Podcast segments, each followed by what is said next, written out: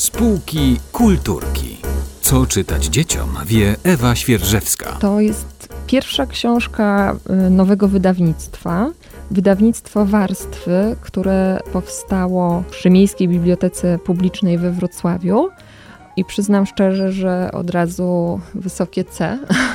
Książka niezwykła, ale wystarczy, że powiem Państwu, kto jest jej autorką. To już będzie wiele tłumaczyło. Iwona Chmielewska.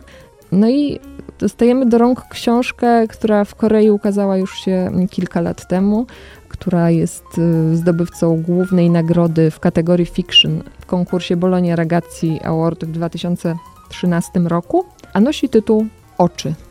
Książka Oczy to nie tylko ilustracja, ale też taki zabieg polegający na wycięciu w co drugiej kartce kształtu oczu, dzięki czemu widzimy oczy, które nagle okazują się być czymś zupełnie innym.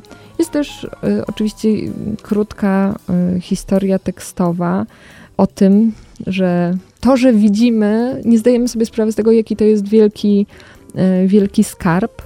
Y, I połowa książki opowiada o tym, co my rzeczywiście widzimy, a nagle pojawia się zmiana zupełna sytuacji. Ten, kto nie widzi, dostaje inny skarb w prezencie. Twórczość y, Iwony Chmielewskiej w pierwszej kolejności została doceniona w Korei Południowej. Tam ukazało się wiele książek, e, które odnoszą ogromne sukcesy, cieszą się wielką popularnością zarówno czytelników, jak i jurorów w różnych konkursach.